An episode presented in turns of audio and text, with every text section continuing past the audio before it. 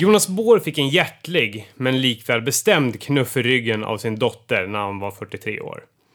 Du börjar få kulmage. En pendlarcykel inhandlades för att få vardagsmotionen till och från jobbet. Sen dess har det eskalerat rejält och idag tävlar Jonas på världsnivå i veteranklassen och har bland annat drämt till med 6.37 på Vätternrundan. Men han har också skadat sig rejält och upplevt hisnande många nära döden-upplevelser. Men fortsatt resa sig ur askan och trampa vidare på cykeln mot nya mål. Idag cyklar han som aldrig förr och är medgrundare till det spännande kosttillskottet Selexir. Varmt välkommen till Hårdare Träning, Jonas Bohr. Tack så mycket Tobias, jättekul att vara med i din podd. Härligt. Hur är läget med dig idag då? Jo, det är toppen som jag sa. Eh, jag fick en liten magsjuka för ett par, tre dagar sedan och börjar hämta mig från den nu. Så det, det är riktigt skönt att slippa det. det Ja, shit, var, var du sänkt? Ja, eh, i lördags i alla fall. Jag hade eh, fem... Vi, jag och min fru brukar alltid ha en vit januari efter 13 dagen. Och eh, då blev det en vecka extra, så det var fem vita veckor så att säga. Och, och eh, i fredags så drack vi varsitt glas vin till maten och eh, tre timmar senare började jag kräkas. Fan. jag tror inte det var vinets fel dock. Men, Nej. men, men det kändes lite som att eh, det kanske är ett tecken. Ja, shit, då, var, då blev det hela, var hela familjen till Ja, slut, för, eller? ja, tre av fyra hittills. Ja. Först jag, och sen eh, en dag senare en dotter och igår min fru. Men ja, du vet hur det är. Är Vilken jävla pers alltså. man, är- man är inte förstärkt de där eh, timmarna. Nej. Men, eh, så det, det är skönt att vara ute på andra sidan nu. Så jag cyklade in till jobbet idag och det, det om än lite, lite tyngre än vanligt tyckte jag nog det var. Men Ja, det, du måste varit det gick att köra i alla fall. relativt tömd i depåerna kan man säga. Ja, det är så farligt är det väl inte. Men, men det är klart att det, det, det är aldrig kul att vara sjuk. Som tur är, peppa peppa, så, så är det väldigt sällan och det får man vara glad för. Får du panik när du inte får träna på, på grund av nu då som magsjuka till exempel? Ja, det är ju en bra fråga för oss som tränar mycket. Ja. Men, men nej, jag tycker inte jag får det. Dels hade jag tränat hela januari galet bra. Varje dag i stort sett och 150 mil har jag kört i januari. Så jag, så jag kände mig liksom, det gjorde ingenting att få några, några extra vilodagar. Men, men det är klart att få, blir det många dagar, och det är väldigt sällan jag råkar ut för icke, alltså icke möjlighet att träna. Det har knappt hänt sista tre åren. Så jag tror, nu, nu har jag inte cyklat på sex dagar. Och det är nog rekord faktiskt på flera år. Kryper det i kroppen? Ja, eller, du fick, det gör eller, eller du fick ju cykla hit i alla fall. Ja, nej men eh, är man frisk så och inte får göra det, då kryper det absolut i kroppen. Men det är klart det. När man är dålig och sjuk så då kryper det inte i kroppen. Då vill man bara bli frisk. Ligga i fosterställning under, en, under Ja. ett varmt täcke. Ja, precis. Men ja, men eh, annars då, hur, hur har det sett ut senaste tiden? Får du, får du in ordentligt med träning då? Innan du blev sjuk då? Vad, vad du Ja, exempel? nej, som, som jag nämnde där, det, det har varit jättebra i höst. Eh, hela hösten och, och hela vintern har varit eh, grymt bra. Eh, det har ju varit snällt väder för mig som gillar att cykla. Det har ju inte Ja, det är varit, eh, perfekt. Det har ju inte varit någon, någon halka eller snö och sådär. Så en vurpa i år bara innan jag hann få på dubbdäcken i november. Eh, men... eh, Men relativt smärtfri då, eller? Ja, det sitter i lite i armbågen fortfarande. Det var en rejäl smäll, men det var ingen som gick, ingen brutet som tur var. Nej, men, nej. En av men få gångerna men, då det men, inte men, blev- men det var första den här ishalkan, du vet, så här riktig svartis. Och, ja, man blir, det, var- rätt vad det är så bara ligger man där. Mm. Men i övrigt så har jag tränat jättebra. Jag körde 150 mil nu i januari.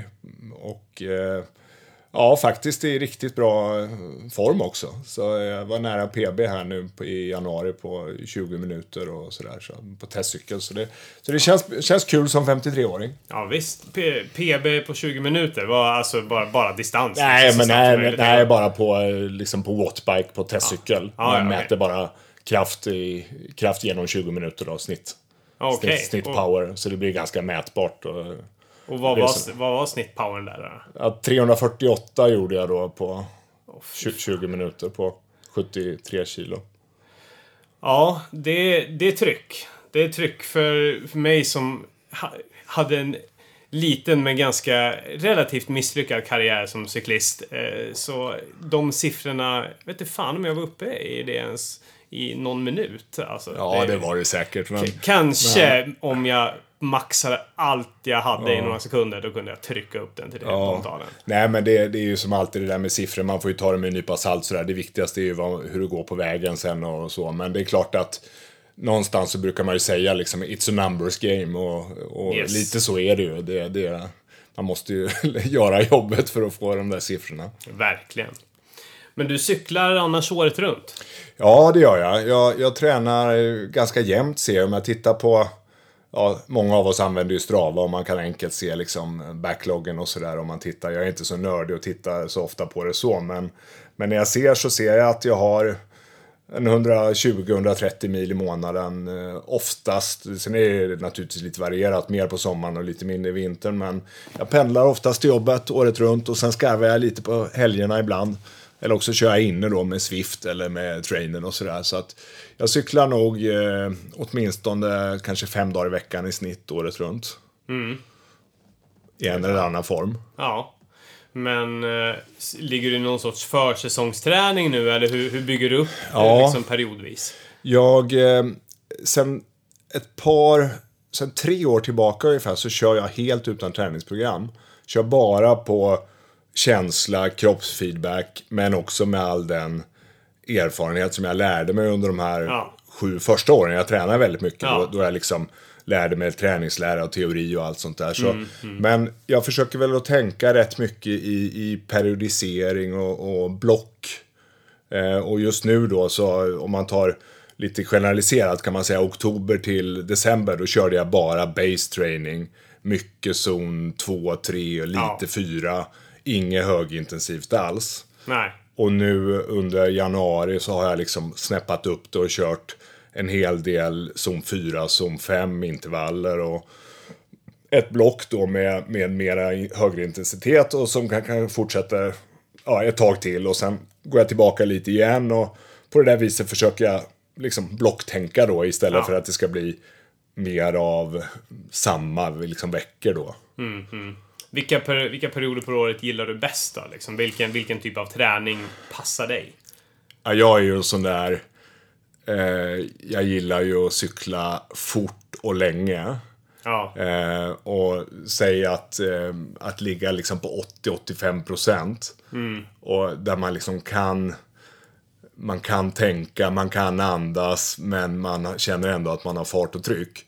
Många kallar ju det mellanmjölk och det Ja, man ska und- ja. undvika då. Men, men jag hävdar ju bestämt motsatsen. Att det där kan funka rätt bra. Men alla människor är olika och det finns liksom många vägar till Rom. Ja. Eh, Det, Men, men, men en träning som har funkat väldigt bra för mig är ju att köra liksom två, tre timmar relativt hårt. Men, och sen framförallt variera då, köra de här stenhårda intervallerna, korta, eh, hög, högzon också. Och sen ibland längre och lugnare. Men jag har väldigt svårt för att sticka ut och köra fyra timmar i, i zon 1 liksom, eller zon 2. Det, det, det blir för... Mentalt påfrestande. Ja, det, det, det, det, det ligger inte för mig. Eh, Det är inte att jag alltid kör hårt, inte på något sätt, men, men eh, att ligga liksom där LSD liksom för mycket, för länge, det har inte jag riktigt tiden till tycker jag heller. Nej, nej. Nej, precis. Ja, men du, du jobbar väl liksom... Du har väl ett liksom krävande jobb? Eller du Ja, jobbar flera jobb. Ja, flera jobb till och med. Så, och, och tre barn och sådär. Så att, nej men jag, Ja. jag, jag känner att en träningsnivå på ja, 550 timmar ungefär, Mm. 10 timmar i veckan. Det passar min livsstil, det passar mitt lynne och det passar liksom mitt psyke. Ja. Sen, eh, jag skulle inte tycka det var roligt att träna 15-20 timmar. Nej, då blir det väl mer... Och jag har inte tiden till det heller. Nej, nej. Och man är inte proffs liksom. Nej, exakt. Man vill ju ha ork och tid att ägna åt andra och inte känna att man skri skriver upp sig på någonting. Liksom bara fyller sin agenda med massa långsam träning. Nej, men lite så. så, så. Men jag kör väldigt mycket på kroppsfeedback och eh, jag tror det finns en poäng med det också för att om, om precis som i den här eh, ARK-låten, Let your body decide Ja. where you want to go, high or low, fast or slow. Eh, och, och lite så är det va, för att om du har en dag där kroppen svarar, du är sugen och sen har du long slow distance på schemat, då blir man ju, får man ju panik. Ja. Och tvärtom, har du en dag då verkligen kroppen är jättetung och så har du hårda intervaller på schemat, då är inte det heller så jättekul va. Nej. Och istället då att kunna anpassa då, om jag har en sån där pangdag när jag cyklar hem från jobbet, då kan jag kanske trycka på lite korta intervaller och nyttja det. Det är liksom den känslan i kroppen. Ja, men risken ifall man... Men, men då har du alltså gått igenom liksom perioder du har haft väldigt strikt också. Ja, absolut. Jag har tränat med program. Ja. Och eh, eh, det finns liksom för och nackdelar med allting. Men, men, men jag har liksom kommit till den slutsatsen att med det jag har, min erfarenhet och det jag har lärt mig om träning och hur jag funkar liksom psykiskt också. Så passar det här med jättebra att, att liksom gå på jättemycket känsla. Med, med någon slags grundidé med liksom block och periodisering. Men med improvisationsmöjlighet. För rätt vad det är kommer livet emellan. Det, saker händer, man kan inte träna eller man eh, råkar ut för någonting. Och då, då, då, då blir det dumt att vara för fastlåst tror jag. Ja, precis. Och sen så är man för nitisk i det så kan man ju bli lite deppig när man inte får till de där passen. Ja, framförallt det. Säg att det blir en skitvecka liksom. Ja, men man missar de, just det passet och det passet hit Ja. och dit. Och så blir man lite... Man har dåligt över det liksom. Ja, då kan det vara bättre att go with the flow och kanske känna att man kan eh, göra någon liksom, ja men 20 minuters eh, träning på lunchen eller på morgonen och bara stretcha eller vad fan som helst. Ja. Liksom för att liksom, ja, bara röra sig emellanåt. Ja. Men, men jag försöker tänka liksom, få bort måsten. Och, och liksom, det ska vara lustdrivet. Ja, Det, det är liksom min huvudparoll på något sätt. ja. Ja, men det är då det blir, det är då det håller i längden. Det är då man fo- fortsätter. Ja, och liksom. ha, ha liksom motivationen och Ja. drivet. Ja, exakt. Ehm, men jag eh, var ju inne lite grann på det där i introt av dig och eh, då snackar vi alltså din begynnelsestory. Men skulle du inte kunna ge, berätta lite grann med egna ord om, om hur allt började för dig med träningen? Jo, absolut. Jag, jag kommer ju från en... Jag har ju alltid sett mig lite som liksom en idrottstyp. Och jag kommer från Småland, från Västervik. Och när jag växte upp då, eh, jag är ju född 1966 och, och det är samma årgång som två andra berömda idrottare från, från Västervik, Stefan Edberg och Per-Ulrik Johansson. Yes. Så, så vi hade ju en miljö i den här lilla staden där idrott var väldigt centralt och, och, och liksom, vi var många som var ganska duktiga. Jag själv spelade bordtennis när jag var liten och på ganska hög nivå och tävlade i väldigt många år sedan. Ja, okej. Men sen så började jag med en udda sport som heter Frisbee Ultimate, som är ett lagspel där man, där man påminner lite om en kombination av basket, amerikansk fotboll, Ja. eh, väldigt fysiskt. Man springer väldigt mycket, man-man-markering och väldigt hård sport fysiskt Okej, då. ja. Och den spelade jag på hög nivå i tio års tid. Okej, vad, vad snackar vi för ålder här? Ja, jag var från jag var 15 till 25 då. Jaha, okej. Och då var det ju väldigt mycket träning. Då, då, då sprang vi ju eh, alltså långt och, och, mycket. På, Både på tävlingsbanan och som träning. Ja, Det var ju Cooper-tester och sådana saker. Och, Ja, och liksom, ja, väldigt fysisk sport. Då, så då, då var jag ju vältränad. Då sprang jag även och Lidingölopp där. Jag, jag brukar säga det. Eh, jag, jag springer var, var tionde år. Jag sprang Lidingöloppet 87. och sen sprang jag Stockholm Marathon 97. Mm. ja. Men, men sen har det inte blivit någon mer sån långlopp. Men, men, eh, nej, men jag tränade ganska mycket då. Ja, ja. Eh, och, men sen så flyttade jag till Stockholm tidigt 90-tal och så började jag spela golf, eller det hade jag gjort innan. Och då blev det mycket golf mest. Eh, sen lite sådär allmän styrketräning och jogga någon gång då och då. Men eh, ganska inaktiv ändå. Så upp i 40-årsåldern. Eh, och sen när jag var då typ 43 så kom jag på idén att jag kanske ska köpa en cykel och börja pendla till jobbet då. Ja. För lite som du sa i introt här, min, Yes. en av min min äldsta dotter hade pikat mig lite och tyckte att jag hade ölmage. Men Ja. Det hade jag inte. men, men li, lite, ja, alltså inte, inte, inte så mycket. Men, men eh, jag tyckte det var en bra idé att kanske kunna bli lite mer allmänfitt då. Ja, ja, visst. Och då köpte jag en cykel och sen så började jag pendla och sen så blev jag ganska snabbt så kände jag att det där var liksom någonting. Jag menar, vi gjorde inget annat än att cykla hemma i Småland när man växte upp då. Så visst hade man cyklat mycket som barn, Men det, eller som ungdom. Men det var ju till och från skolan och till och från aktiviteter. Ja. Så att jag hade ju aldrig suttit liksom och cyklat på en, på en riktig cykel på så sätt.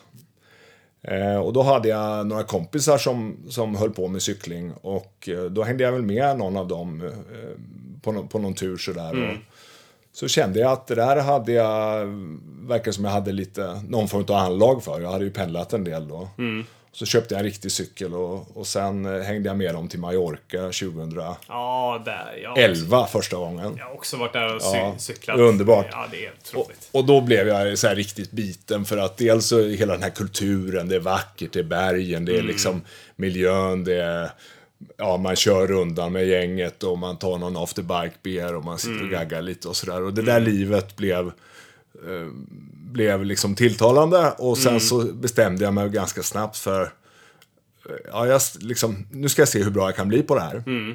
För jag har alltid varit lite sådär, ja, competitive på något sätt. Ja. Och då började jag träna ganska seriöst då, eh, där 2010-11. Och 2012 började jag tävla i cykel. Ja, på den vägen är det. Hur många timmar la du, la du då ungefär? Är det ungefär samma som idag? Eller, Ja, eller det har liksom- väl trappats upp lite, men, men det, det blev nog ganska snabbt där. Plus tusen mil om året i alla fall. Eh, så, så... Sen har det ju blivit eh, liksom en... När jag började tävla 2012 i cykel så hade det ju börjat bli populärt. Men det blev en, ändå en markant ökad boom nu eh, bara de sista tre fyra åren. Om jag tittar Ja. på klungorna som är både på, på liksom motionslopp och på, på tävlingscykel då, så, så är det ju framförallt, eliten har ju inte växt, men, men gubbredden och, Ja. och tjejklungan har ju växt jättemycket, Ja. vilket är jättekul. Va? Och, och det har ju också lett till att nivån har höjts hela tiden och eh, träningen har trappats upp. Och idag är det rätt många som, som, som, som lägger ner Mycket nästan tid. ett ja, semiprofessionell inställning. Ja, liksom. Jo, men, ja. Så, så det, det är ingen lek idag att kunna, kunna liksom konkurrera. Nej, det, det nej, kräver precis. sina timmar. ja, men verkligen. Så vad var det han sa? Farbror Barbro. Det finns inga genvägar till det perfekta ljudet. Exakt. ja, men jag, jag, jag, jag är dock lite, fortfarande lite nyfiken på det där Ultimate eh, Frisbee. Nej, Frisbee Ultimate. Ja. Eh, hur kom du in på det? Är det för... Nej, men jag, jag, jag som tonåring började jag kasta frisbee och blev vansinnigt tagen av bara att se den här eh, plastbiten flyga i luften. Ja. Och jag blev ganska besatt av det. Jag tränade Ja. jättemycket. Man körde frisbee-golf och allt sånt där. Va? Ja. Och sen hade vi en klubb i Västervik som, som höll på med frisbee. Som jag gick med i som tonåring då, ung, ung grabb. Och de hade det här, la, eh, spelade det här lagspelet då. Så redan 1983, jag, när jag var typ 15 år, var jag och spelade klubblags-EM i Belgien och såna här grejer. Och, Shit, Eh, det, ja, och- det, det, det kan man inte ana att det var så. Och du sa ju att ni tränade hårt också. Det, Ja, herregud. Det, det kanske man inte, liksom, när man hör sporten så tänker man Nej. kanske inte direkt att det är... Ko- go- googla på YouTube och sök på Ultimate Frisbee så får ni se. Det är sjukt häftigt, häftigt att se på. eh, De bästa amerikanare. Det finns ju proffsligor och alltså det är ganska hög nivå. Ja, ja. Och vi var duktiga i Sverige. Jag spelade i landslaget 85, 86, 87 där några år som ganska ung då. Och vi vann EM och kom tvåa i VM och sådana här saker. Så, så det, var, det var riktigt tufft alltså. Och det, det, det skolade ju mycket den här tränings... Liksom det här hårda. Ja, ja, precis. Att liksom ja, kämpa och kriga och ja, sådär. Ja. Men det har alltid funnits lite grann inom dig det här liksom... Alltså eh, strävan efter eh, prestation i lite allt. Du, sa ju att du, täv, sa du? Du, tävlade i pingis också. Ja, Ja. Jo, det har det gjort. Jag, jag har alltid gillat eh, liksom sport. Sen fastnade jag ju mycket för golf sen, men där har jag inte samma... Där, där var jag inte så talangfull. Nej. Där, så jag, jag älskar golf, men, men alltså, det är en vansinnigt svår sport. Alltså. Ja, Jag- ja, gud ja. det- Du, du är lite mer för slitet kanske. Ja, jag, alltså, jag, jag, var, jag var nästan vuxen när jag började med golf, så jag ha- har det inte naturligt då. Men man kommer till 5-6 i handikapp, det gör många som tränar lite, Mm. men eh, liksom, det är ju ioner av kvalitet mot att kunna bli bra då. Ja, Och exakt. det är ju som i alla sporter man, man ser och förstår vad, vad kroppsspecen är, så förstår man liksom hur bra de bra är. Ja. Det, det är verkligen skillnad alltså. ja, verkligen. Men, men just konditionssport verkar ändå eh, passa mig ganska bra. Och precis. Och det, det, var, det var efter eh, Mallorca där. Det var då du kände att det var då det började liksom eskalera. Eller vad man ska säga. Ja, alltså jag, jag eh, gick med i en klubb i Stockholm sen då. Ja. Och sen så började jag tävla lite sådana här Stockholmsserier och körde något veteranlopp. Och ett av mina första lopp blev veteran-SM sen 2012 i linjelopp. Och då, då gick det så pass bra, det var ju i herrar 40 då. Och då, då gick det så pass bra så jag tog brons där första året i linjelopp. Och då blev man ju liksom taggad. Nu, nu ska jag liksom Ja, ja, ta det här till in i kaklet så att säga. Ja, hur, bra, hur bra går det att bli? Och sen så har jag faktiskt försökt att få reda på den här frågan egentligen sen dess då. Och den, den har liksom varit den här bakomliggande motivationsfaktorn och drivkraften att se, okej, var är gränsen för mig så att säga. Och faktum är ju att om jag nu som 53-åring hade vetat om att jag förra året och i år skulle, alltså förra året och precis nu då, skulle prestera mina bästa resultat. Både i prestandamässigt och, och liksom i, i race och sådär. Då hade jag ju haft svårt att tro på det. Att Ja. det skulle kunna gå jag förstod att det skulle kunna gå bli bättre i 3, 4, 5 år. Men att kunna bli bättre vid 52 F3 än vad man var vid 48. Det hade jag ju inte gissat. Nej. Och det är fantastiskt att det går. Ja, visst. Nej, men det är väl, det är väl svårt att tänka sig det, för det är väl ingen så... Det, det, går, det känns som att det inte... Det är inte så många som ja, men gör liksom den resan och förbättrar sig så. Eller åtminstone så är det inte allmänt att folk pratar om att det är möjligt. Det pratas ju mer om att ja, men det går inte. Ja, men efter, efter 30 så Ja. är det liksom, ja, men då, då, är Ja. det, då är det över lite Ja, grann. Så- nej men det så- visar väl liksom mera när människor lär sig och forskningen kommer fram och man ser att till och med idag om 90-åringar börjar gå på gym så ser de ju att de kan börja utveckla mm, ganska mycket styrka och bli bättre och starkare. Så att det är ju aldrig för sent att träna och börja naturligtvis. Och det, det känns väl en viss logik i det. Sen så kan man kanske det som jag har försökt utmana med mig själv då, det är ju de här konventionerna och normerna att liksom, det kanske går att prestera bra, inte bara jämfört med, med mig själv, utan även med, med andra yngre lite upp i ålder. Ja. Och det är väl det jag har liksom, och det har ju i, sin tur då kanske skapat lite extra drivkraft och motivation. Så jag har ju kört tävlingar mot svenska eliten på dispens nu som plus 50-åring förra året och förrförra året. Och, och jag gjorde några år också i elitklass eh, när jag var ja då 2013-14 så, så i och med att det gick så bra redan 12 så, så tävlade jag inte i veteranklasserna då utan jag körde 13-14 i, i elitklass då. Och jag lyckades ju hyggligt bra, Jag kom topp 10 i flera lopp och vann VM i herrar elit i linjelopp och Ja, ja. tempolopp. Ja. Så, så att jag, jag har kunnat liksom köra hyggligt bra mot även de, de unga killarna. Och det skapar ju naturligtvis en jäkla liksom, drivkraft och motivation. Sen så är det ju liksom, ibland är det ju tröstlöst för man inser ju att bli bra på riktigt liksom, det är ju naturligtvis, jag menar om man jämför med proffs och sådär, det är ju en helt annan nivå. Men Ja, det är klart, de precis, jobbar jo. ju heltid med det här också. Va? Så- Ja, och har ju gjort det sen fem, de var fem år gamla. Ja. Eller, eller liksom, ja. det är ju lite så är det. Nej, men så är det. Men det är ju en udda resa att börja så här sent med en idrott och ta det så pass liksom, långt som jag ändå har gjort då. Mm. Eh, eh, och då kan man ju ibland ha fått frågan sådär att ja, ångrar du inte att du inte liksom började med det här tidigare? Och Mm. Korta svaret blir väl egentligen nej, för att jag tror inte jag hade haft alls lika roligt om jag hade börjat tidigare. Och framförallt så, jag menar, eh, det, det är ganska oglamorös sport att, att vara ung och satsa på en sån, på, på en sån här konditionssport som cykel. Det är, Ja, I bästa fall blir du, blir du hjälpryttare någonstans. Och Ja. ett jäkla slitjobb alltså.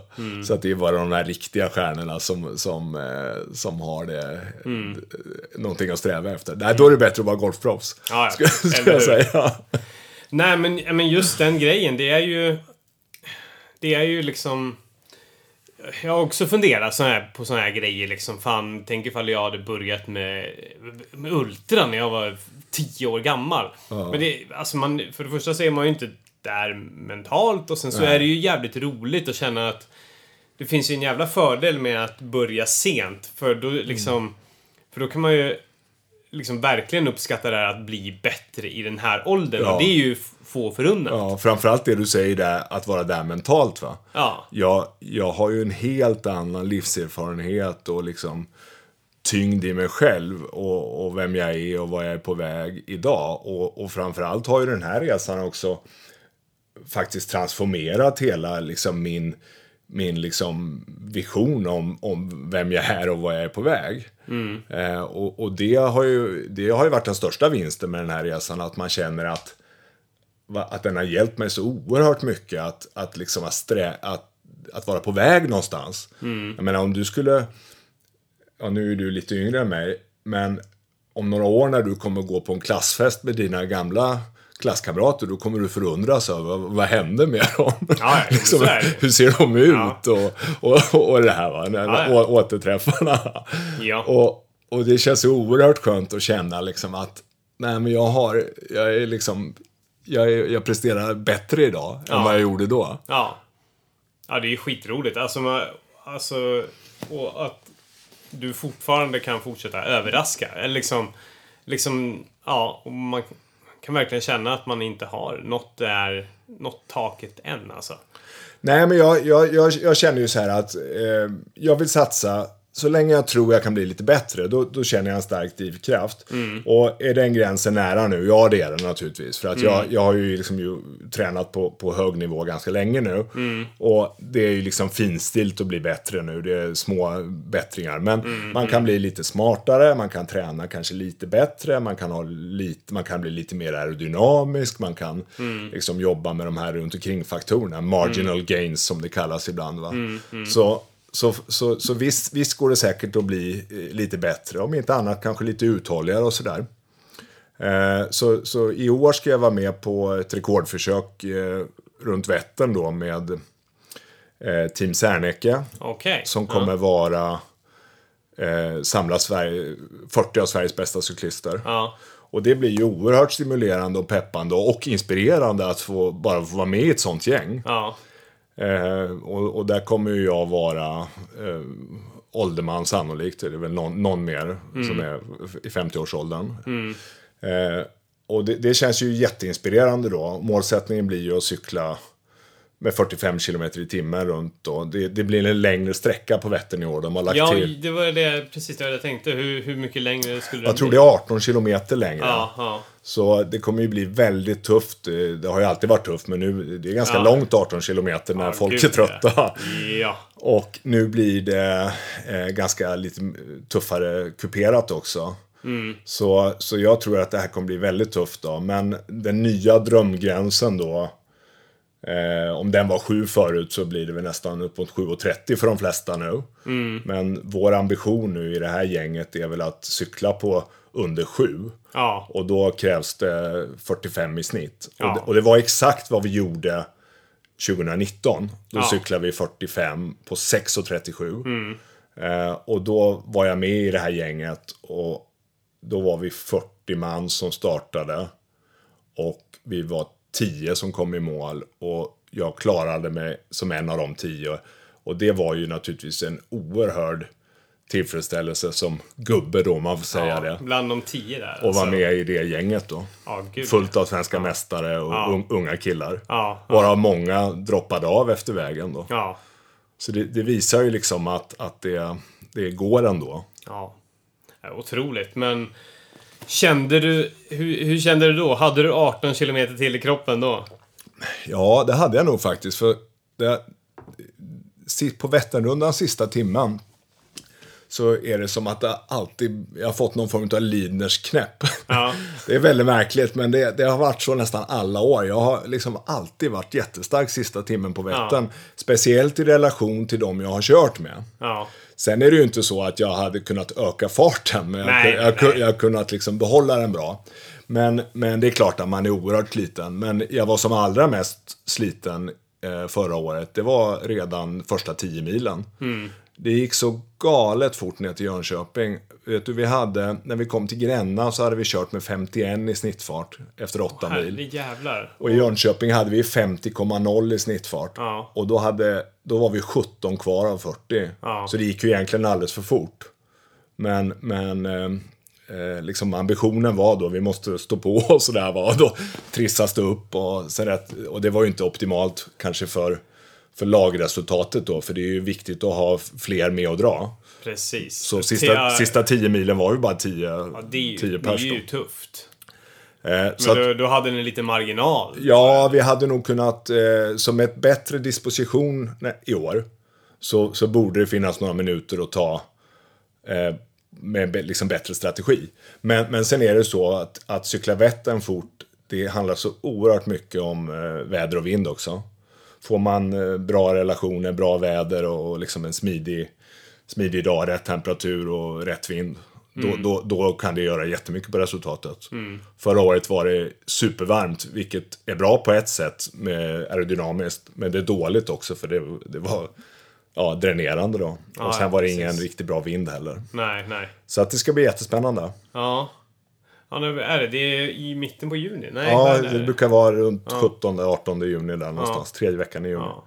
Vad var anledningen till att de förlängde? Eller var det för att de bara ville... Nej, det är, det är för att slutet, sista 3-4 milen var lite olycksdrabbade. Det var mycket Ja. in på småvägar och sen är många trötta, kör om varandra och det blir liksom, det, det blev, eh, jag tror det är säkerhetsperspektiv då. Mm, De ville hitta en eh, lite säkrare vägsträckning. Mm. Men det är klart att, alltså 18 kilometer längre, förut var det 297 kilometer. Nu blir det 31,5. Alltså 315. Mm. Ja, ja. Det är en, ganska mycket mer alltså. ja, men det är det ju. Så, speciellt när man har tidsambitioner då. Ja, ja. Ja, tufft. Ja, Så det, är, är det, är det A-målet i år? ja eh, det, jag tror det nästan. Ja. Det är det jag liksom känner är, är lite huvudmålet. Sen kommer jag säkert köra några eh, sådana här mastersmästerskap. Mm. Skulle jag gissa. Typ Masters-SM och kanske NM och något sånt där. eh, Skulle jag gissa att det blir av. I Mm. vår klubb då. Men jag har inte liksom satt... Eh, jag brukar vara ganska dålig på framförhållning och planering allt för mycket. Utan jag... Eh, det brukar bli ett gäng tävlingar liksom. Mm. Men jag, jag planerar inte för långt. Nej. Ta det som det kommer. Ja, exakt. Lite på lust. Exakt. Ja.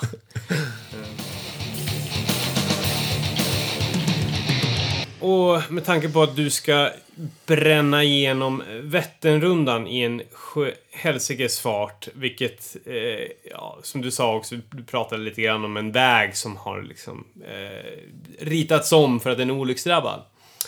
Du har ju varit med om en hel del olyckor och sjukhusvistelser genom dina år. Eh, det finns en otrolig summering av dessa olyckor och sjukhusvistelser på din blogg. Jag tänker att jag ska slänga upp en Ja. länk till det i samband med poddsläppet. en Men det är, helt, historia. det är helt bisarrt. Men ja, det rör sig om allt från hjärtstillestånd till brutna höftben. Ja. Eh, och många hade nog inte klivit på sadeln en gång till efter bara typ en till max två gånger av dina olyckor. Eh, men vad är den främsta anledningen, skulle du säga, till att du Eh, reser dig på nytt och ändå hoppar på sadeln för att köra i de här hastigheterna på landsvägscykeln? Ja, det är en bra fråga och, och frågar du min fru så har jag väl ingen bra svar på det. Men nej då, men, men eh, eh det är klart att alltså, när jag började cykla och träna mycket så, så peppar peppar och så gick det jättebra. Jag ramlade inte en enda gång, vare sig på träning eller tävling, förrän våren 2015. Och då har jag ändå cyklat ganska många tusen mil och, och väldigt många tävlingar och aldrig hänt någonting. Nej. Och då var det faktiskt en, en god vän till mig som heter Stefan Klang. Han är för övrigt eh, ordförande i, i cykelförbundet. Han sa till mig, fan Jonas, du är ju ingen riktig cyklist, du har ju inte ens brutit nyckelbenet, sa han. Och det sa han till mig precis innan jag åkte till Mallorca 2015. Ja. Och skulle vara med på en tävling där. Och då naturligtvis hände det. Så på slutet av den tävlingen med fem mil kvar så, så ramlade jag och var i ett jättefint läge i mitt livsform i en utbrytning och, och eh, såg jättebra ut. Då ramlade jag illa och eh, voltade på cykeln och fan. kom upp eh, med eh, en skadad cykel och jäkligt ont i höger axel. Men adrenalinfull och sådär så eh, hoppade upp på cykeln och sadeln stod åt alla håll och en trampa hade gått sönder. Så jag, men det var så oländigt, det fanns ingen där. Så jag var tvungen liksom att försöka ta mig vidare. Så jag cyklade med en pedal och foten liksom nödfälligt eh, försöka få kontakt med den andra då som var sönder. Eh, och sen så satt jag på sniskan då och jag kände ju att fasiken vad ont i axeln det gör. Men jag måste ju köra, det är fem mil kvar. Och sen så, ja, så blev det att jag bara körde. Eh, och jag körde klart fem mil där. Helt Eh, otroligt. Ja. Eh, och kom i mål. Vet, vet du vem Diddy Senft är? Han djävulen som brukar vara på cykeltävlingar. Han som, Nej. han som står utklädd till djävulen med... Han är så här känd från Tour Jag de tycker France. jag känner igen det nu när du snackar om det. Ja, Ja. he- Helt absurd historia. Han står vid målet och tar emot mig när jag kommer in. Jag kom, kom in ensam solo in i målet. Jag blev inte omkörd av någon bakifrån. Jag tror det var 6000 pers med i loppet. Mm. Så jag körde fem mil i tuff terräng solo. Med, med brutet nyckelben hade jag. Ja. Men det visste jag inte om då. Nej. Eh, Så jag ramlar in i honom, eh, helt slut, gråter av smärta, jag måste till sjukhus. Och då, då så, så in till sjukhus och röntga. Och sen så säger röntgenbilden då att nej men det ser inte ut som att det är brutet nyckelbenet, det verkar bara vara ligamentskador. Ja. Och då, då säger de till mig att eh, åk hem till hotellet, ta det lugnt och vila ett par dagar, sen ut med grabbarna och kör igen, det är bara bra. Så fick, jag, Okej. så fick jag tramadol, Ja. Eh, starkt smärtstillande. ja, men det känner jag igen. Ja. Och så här uppåt, det är ju det ungdomarna knäckar ihjäl sig på nu. Mm. Det, är- det är ju grejer man ska stay away ifrån. Men det är väldigt kraftfulla saker.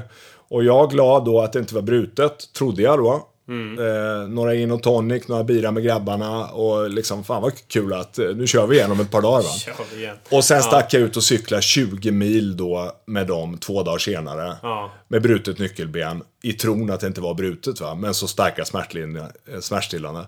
Och då fick jag utsöndringar från benmärgen eh, i hela blodet. Och då blev det så mycket protein i blodet så jag fick en allvarlig sjukdom som heter rabdomyolys. Som gör att man slår, kan slå ut kroppens hela vävnad och man, kan, man dör på en vecka liksom om man inte behandlar det här Ja. en jäkligt allvarlig grej va. Så när jag vaknade upp nästa morgon så var hela högersidan armen, jag såg ut som Arnold Schwarzenegger, alldeles supersvullen. Och då bara rakt in på sjukhus. Och så fick jag ligga en vecka på sjukhus där med stark antibiotika och grejer.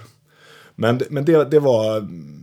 det- var ju egentligen ingen allvarlig olycka. Det var ju liksom ett, ett ganska enkelt nyckelbensbrott. Men det höll på att få fatala konsekvenser, då.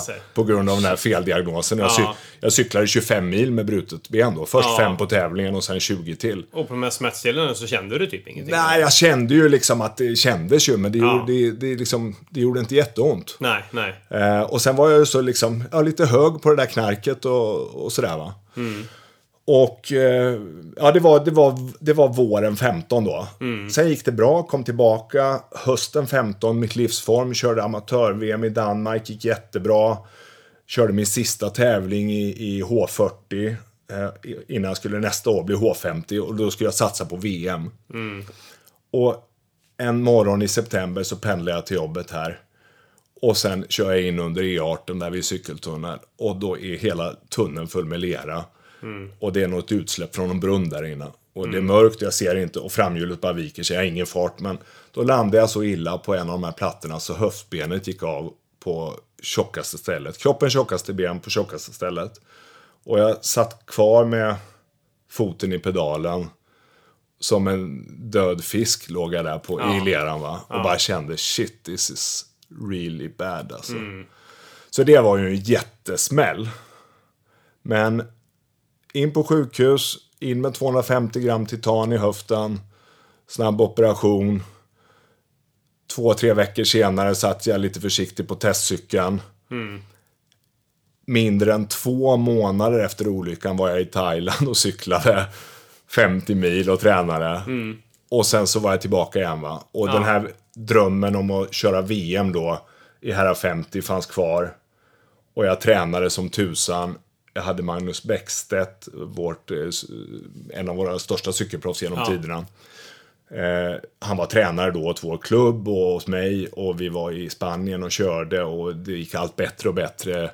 Jag gick ju med det där implantatet. Eh, jag såg ut som eh, Seb McKeja när jag gick då för jag hade jäkla nervverk.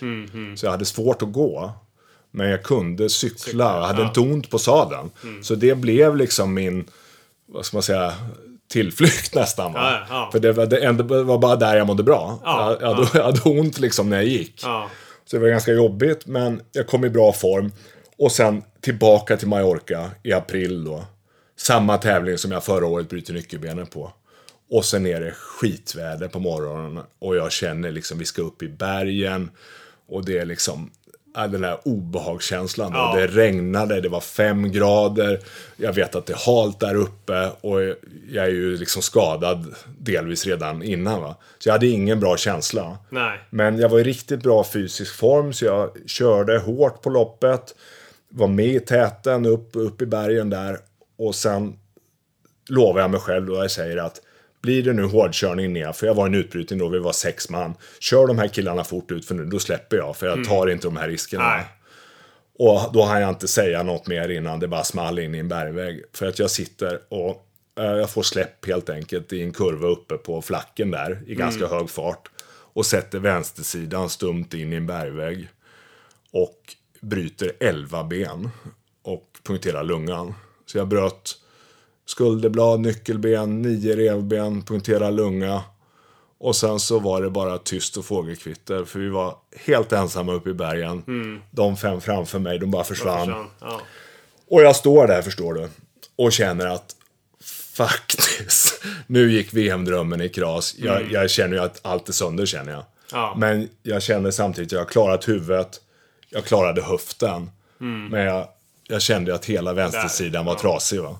Och det var ingen rolig historia sen. Två veckor på intensiven. Svårt nedkyld. eh, Tog 50 minuter innan någon ambulans kom. Och, eh, 50 minuter Ja, det var- den skiten alltså. ja, det Men då, bara, då låg du bara där liksom. Det, Nej, alltså jag, jag kunde stå upp för att jag var ju inte skadad i benen. nej. Men eh, det var ju eh, svårt trauma för kroppen. Jag hade 35 i temp när, när jag kom till sjukhuset. Men, men redan på sjukhuset då så var jag ju liksom lycklig över när jag insåg att det här kommer jag ändå bli frisk ifrån. Det, är- det är liksom revben och lunga, det kommer läka. Och skulderblad och nyckelben. Det var, höften var ju en mycket värre skada liksom. Även om det var, förstås var traumatiskt, den här smällen. Så, så även när jag kom hem då, då så kände jag att nej, men jag, jag är inte klar liksom. Och då så var jag hos sjukgymnasten hemma efter en månad efter olyckan. Och jag märkte ändå att jag rehab- rehabiliterade mig jäkligt fort. Och jag sa till honom, du om två månader är det veteran-SM, tror du jag kan vara med eller? Och han bara skakade på huvudet och sa, du är fullständigt galen. Och, och, men, men liksom på något sätt så hade jag, ja men kanske ändå. Så jag körde lite trainer och när det var en månad kvar så var jag ute och cyklade och jag kände, fan det kanske går ändå. Och ja, jag körde SM mindre än tre månader efter olyckan och, kom topp 10 i både tempolopp och linjelopp. Och det var kanske den skönaste segern någonsin någonstans efter allt det här skiten. Dels att våga liksom igen. Eh, att, att liksom upp på sadeln och den här klassiska när jag ramlat av då. Ja. Men, men samtidigt så var det ju naturligtvis, det är klart att det var lite på gränsen. Och eh, doktorerna sa ju att eh, ja, de flesta har knappt lämnat sjukhuset vid den här tidpunkten. Ja, precis. Men, men eh, efter det då, peppa peppa, det här var eh, 16 då. Om man kallar det liksom mitt annus horribilis där mellan 15 och 16 när allt det här hände på ett år. Så har jag faktiskt inte haft någon allvarlig olycka. Så, så, så att nu, nu har det gått bra igen. Vilken, vilken tur du har som inte har råkat ut för en allvarlig olycka på tre år. Helt otroligt. Ja, men, Ja. Men, ja. Nej, men det är ju så att eh, i det här inlägget du, du nämnde om mina summering av mina nära döden-upplevelser. Jag har ju många mer än de här. Många värre också. Ja. Och det sju- sjuka med det här är ju att de tenderar att ha hänt med var åttonde år. Så, så med en kuslig precision. Så, så att nu, nu eh, har jag skojat då och sagt att eh, jag är safe nu till 2023. Men då får jag, Perfekt. då får jag låsa in mig i ett madrasserat rum. Ja, ja, visst. Ja, nej, men det är otroligt. Men hur tänker du mentalt? Blir du inte, blir du inte rädd? Eller hur... Alltså, Jo. Hur, hur, hur svårt, eller hur liksom stor är den mentala spärren Ja, att den- du sätter den- dig på cykeln igen? Att den är inte, jag är inte rädd för att cykla. Jag är inte rädd för att liksom köra eh, under, under kondition som jag känner igen och är bekväm med. Jag är däremot väldigt mycket sämre och räddare utför. Och är det halt, är det blött, är det grus, då är det som att det liksom jag vet ju kroppsmässigt hur jag borde göra, men det är som liksom andra reflexer tar över. Jag, du, det är som, en skidåkare som spänner sig. Och, och jag var ju mycket bättre på att köra snabbt ut för innan de här olyckorna. Ja, det förstår jag. Och, och, så nu har jag bestämt mig för att ja, men jag tävlar inte utför liksom. Eh, så så jag, är inte, jag är inte pigg på risklopp. Men jag är inte rädd att köra en klunga, jag är inte rädd för att liksom cykla. Däremot så, så jag körde amatör-VM i Polen i höstas. I herrar 50. Och det var ett galet lopp. Jag har aldrig varit med om något värre. Det var 280 personer med i, i herrar 50 och det var ett pannkaksplatt lopp så de flesta hängde med. Va? Och det var så galet mycket krascher. Det måste vara stökigt. Det var fruktansvärt. Om du tänker 280 personer. Ja. Det, det, och det gick så enormt fort första 8-10 milen. Och ingen åkte av heller för det, det liksom, blir sånt luftsug. Men jag ljuger inte om det var åtta allvarliga krascher precis runt omkring mig. Och att höra det här ljudet av vrål, det här ångesten när folk märker att nu Går det går det åt nu går det åt helvete? Grafit som kraschar i marken, det här dånet va. Eh, det, är, det är faktiskt, det, det tog på psyket. Och, och en gång var det så otroligt att jag bokstavligen körde över en killes cykel som ramlade precis framför mig. Och jag tänkte att nu är det this is it alltså. Men, men jag lyckades eh, hoppa på honom, över honom liksom. Med min cykel. Men, det, men, men då, då lovar jag mig själv att eh, den här typen av lopp är liksom, det är inte kul alltså. Nej, nej. Utan det, cykel ska ju vara kul. Så, Ja. så, så, så blir det det där liksom att spöregn, halt, grisigt, skitigt. Då kan jag tappa sugen. Ja. Så SM för två år sedan, det bröt jag efter ett varv när det var sånt grisregn på Hallandsåsen och vi skulle ut för där. Då, då, då liksom sa bara min instinkt nej. Ja, precis. Så ska du vara uppe i täten och kriga där så måste du ta risker. Ja, men lite så. Ja. Eh, och, och sen är det ju så alltid att när det går ihop till avslut och spurt och sånt där, då är det ju, då är det ju delvis instinkt och tävlingsdjävul som tar över, men det kan ju också vara farligt. Det här med att hitta fri, fritt spår och a- armbågar mot armbågar och liksom positionering och hela den då. Så, så, så det är lite sådär, ja det är, ju det är verkligen baksidan med cykel, det är så vansinnigt farligt om man går omkull. Det är världens bästa sport, men det är... Vad är det som gör det till världens bästa sport då? Jag tror att det är friheten någonstans på, på vägen, farten, naturen. Eh, för mig är det ju mycket det långt ifrån bara prestation. Det är lika mycket meditation nästan. De flesta av de här alla milen jag gör är ju ensamma. Ja. Det är jag och vägen.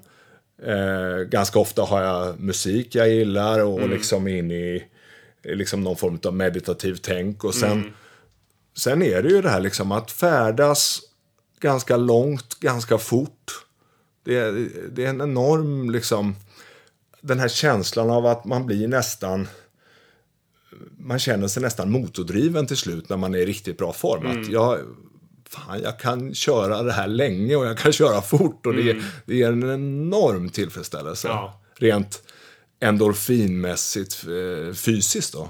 Och känslomässigt. Ja. Sen, sen så är det ju, som, lägger man in prestationsbiten på det så är ju det också naturligtvis en, en höjdare att tävla spänningen innan, eh, nervositeten, glädjen, besvikelsen, vinsten, förlusten. Allt det där har ju vi som gillar sport.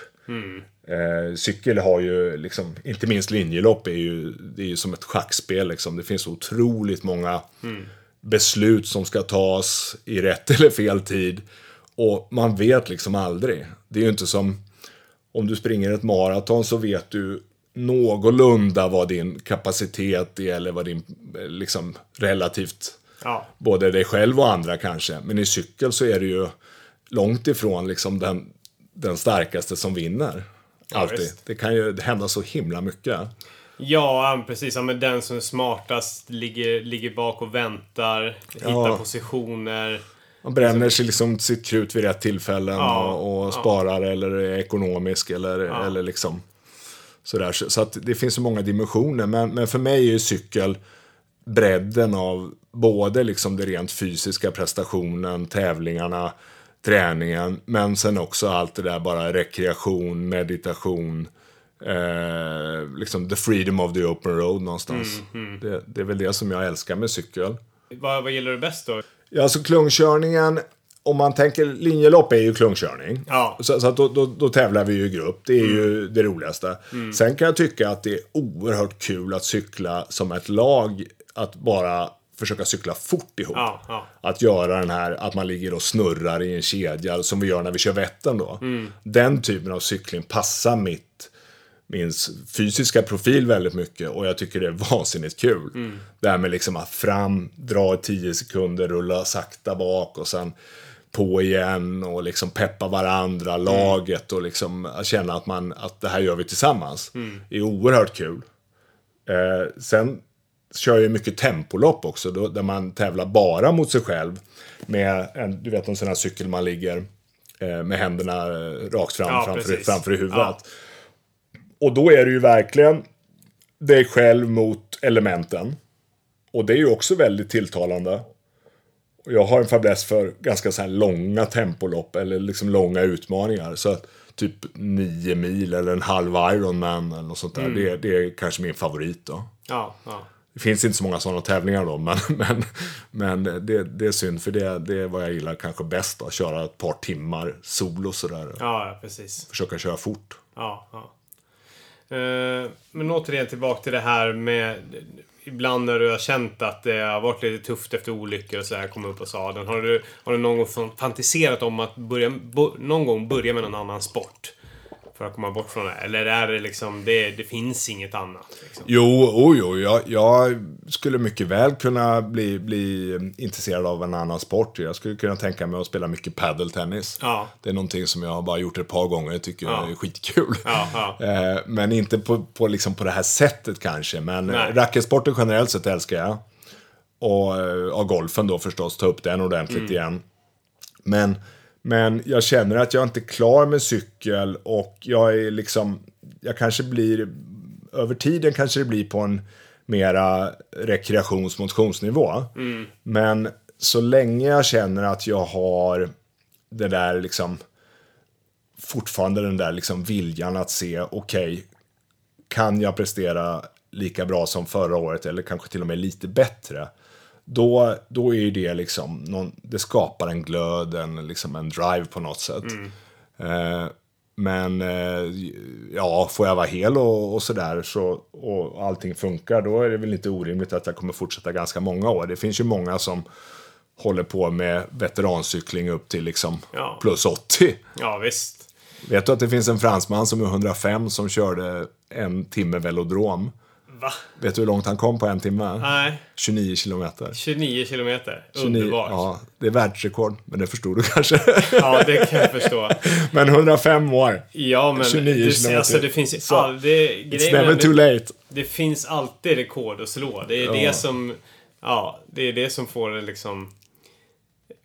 får en att drivas framåt och känna, Ja. liksom ändå fortsätta så här. Det, det, jag, Ja. jag, jag, inte fan, jag har svårt att se dig som den här lunka, eller så här rekreations och mys... jag Vet inte fan finns det i det? Jag är tvek alltså. Ja. Du kommer stå där och slå världsrekord liksom, när du Nej, är det- 30 år gammal, vet du. Ja, nej men det, alltså, målbilden är ju någonstans eh, det där plus 100 att prestera. Mm. Så är det ju. Och jag tror mycket att det är eh, väldigt sådär formbart eh, med att man blir vad man tänker. Ja. Och jag är ju övertygad om det och ju mer jag har liksom levt och lärt mig och, och, och sådär och även läst det här med gener och det kallas för epigenetics då, eller epigenetik, hur, hur, hur livsstilen och tankarna kan förändra hela, hela egentligen vilka gener som är aktiva och vilka, Ja. vilka som, som är påslagna och vilka som är avslagna. Ja. Och jag ser ju på min egen eh, liksom kroppsprestation och, och hur jag fungerar att, att jag eh, eh, har kunnat påverka det här. Jag gjorde ett sånt där gentest för några år sedan eh, med ett engelskt styrt företag eh, där man topsar tungan och skickar in generna. Och jag fick ju tillbaka, först så visste jag inte om jag skulle skratta eller gråta. Jag blev ju nästan ledsen när jag såg att jag fick tillbaka att du har ganska mediokra förutsättningar för, för, för, för med. det du håller på med. Och eh, du har hög skaderisk och sådär stod det. Och det hade jag ju bevisligen, Ja. men, men det var ju Kan- olyckor va. Det var, Ja, det- det jag, hade du nog jag, inte jag, hade, jag hade inte blivit skadad eh, i samband med liksom bara Nej, nej, rörelsen. nej, nej. Men, men då kontaktade jag då några specialister jag känner då, läkare och sådär som var duktiga på sånt där. Och de sa ju det att de här gentesterna är eh, precis värdelösa för de kan bara visa några markörer Ja. av, av vad du har och vi har ju liksom tiotusentals gener. Mm. Och det handlar ju liksom vilka gener som är, är aktiverade och vilka som är deaktiverade. Mm, Och de beskrev, han beskrev det ganska bra här. Han sa ungefär att om du tänker dig liksom eh, en ett pianos tangenter att det är eh, dina gener. Och, och liksom de tangenter du trycker ner, liksom det liv du lever, den musik du spelar, det liksom blir de som, du, som är aktiva. Och spelar du då liksom bra musik och lever, tänker på rätt sätt och lever någorlunda hälsosamt och liksom positiva vibbar, då, då blir också musiken bra. Va? Då, då blir kroppen bra. Och tänker du dig liksom sjuk och tänker du dig misslyckad, ja då blir man ju det va? naturligtvis. Va? Så att, och jag tror det här gäller i allra högsta grad både på livslängd, sjukdomar, prestationer, ja rubbet. Och sen har man mycket roligare också om man försöker se möjligheter och, och, och förmåga istället för begränsningar och, och jantelag. Liksom. Verkligen. Så många tycker säkert, vem fan tror han att han är? Ja. Liksom, eh, ja, sådär va. Ja, ja, Håller på att absolut. sticka, Jo, sticka, ut hakan och tro att han kan kunna köra mot, ja, och så vidare. Va? Men, men vad fan, om man inte tror på sig själv, vem fan ska göra det då? Nej, nej. nej men då, då faller det direkt. För då finns det alldeles för många nej-sägare runt den. Ifall man Ja. inte liksom jämt försöker sträva mot dem. Ja, och- nej, men det, hålla dem borta. nej, men så är det ju. Så, så att eh, det, tro är ju liksom, det är nummer ett alltså. Verkligen, verkligen. Ja. Men det finns ju också en annan faktor som kanske kan påverka lite grann med det här med åldern och välmåendet och, och prestationen. Och det är ju käka rätt, kort och gott. Eh, och det, det handlar om vad vi stoppar i oss, kortsiktigt, långsiktigt. Och, och det har ju stor påverkan på vårt liv och, hur jag- och hur det kommer kri- utkristallisera sig. Ehm, hur, har din, liksom, hur har din kostresa sett ut? Har du alltid varit medveten om vad du stoppar i dig eller har det liksom... Blir du bara mer och mer formtoppat för varje år som går? Nej, det går lite i perioder, men jag har väl liksom blivit mer och mer, eh, vad ska man säga, ja, mer och mer i, på ett sätt intresserad av det. Sen har jag inte alltid gjort det jag har lärt mig. För att någonstans så är det det där med, man, man ska få livet att funka också. Jag har tre barn och en fru som inte liksom eh, kanske skulle vara så intresserad av att äta slaviskt. Va? Nej, nej, nej, eh, och, och mina tre ton, döttrar då. Eh, tonårsdöttrar håller på att säga, men äldsta fyllde 21 i, Ja, igår. ja, så, ja. Så, så det går fort nu. Men, men däremot så, så um, jag har väl alltid varit liksom lite intresserad av, att, eh, av sådana här frågor. Men från tid till annan då så har jag testat då och praktiserat det lite mera eh, disciplinerat. Men jag har kommit fram till en kosthållning som jag tycker funkar för liksom mig i mitt liv och min familj och som jag mår bra på. Mm. Och den är egentligen ganska basic tallriksmodellen idag. Ja. Äta, men försöka äta varierat och försöka äta mycket färger. Alltså eh, gärna mycket grönt och olika saker med färger. Men sen så tror ju jag att eh, liksom kött, fågel, fisk och ägg av bra kvalitet, eh, gräsbetat, naturbetat, tror jag är jättebra. Och jag mår väldigt bra av det. Eh, så, så, så personligen så gillar jag liksom en bred kosthållning, inget liksom, inget hokus pokus. Nej. Men med fokus på helst om det, ja, med liksom bra råvaror, så lite processat som möjligt. Och gärna ekologiskt, gärna närodlat. Ja. Om du tittar på, du har hört talas om sådana här blå zoner. Ja, blå zoner är de- de ställen i världen där man, där man lever längst. Ja, ja. Och det är oftast några saker som går igen där. Mm. Det, det är ställen, det finns det i Grekland, i Sardinien, det finns i Okinawa utanför Japan och Ja. så vidare. Va? Och det finns ett gäng sådana här communities, oftast ganska små samhällen. Och då är det tre, fyra saker som går igen i alla de här blå zonerna när de lever längst i världen. Mm. Och det är att de äter närodlad färsk mat att de har låg stressnivå i sina liksom, communities. Att de har en stor social kontext över generationsgränser med varandra. Så att de liksom får samhörigheten. ja.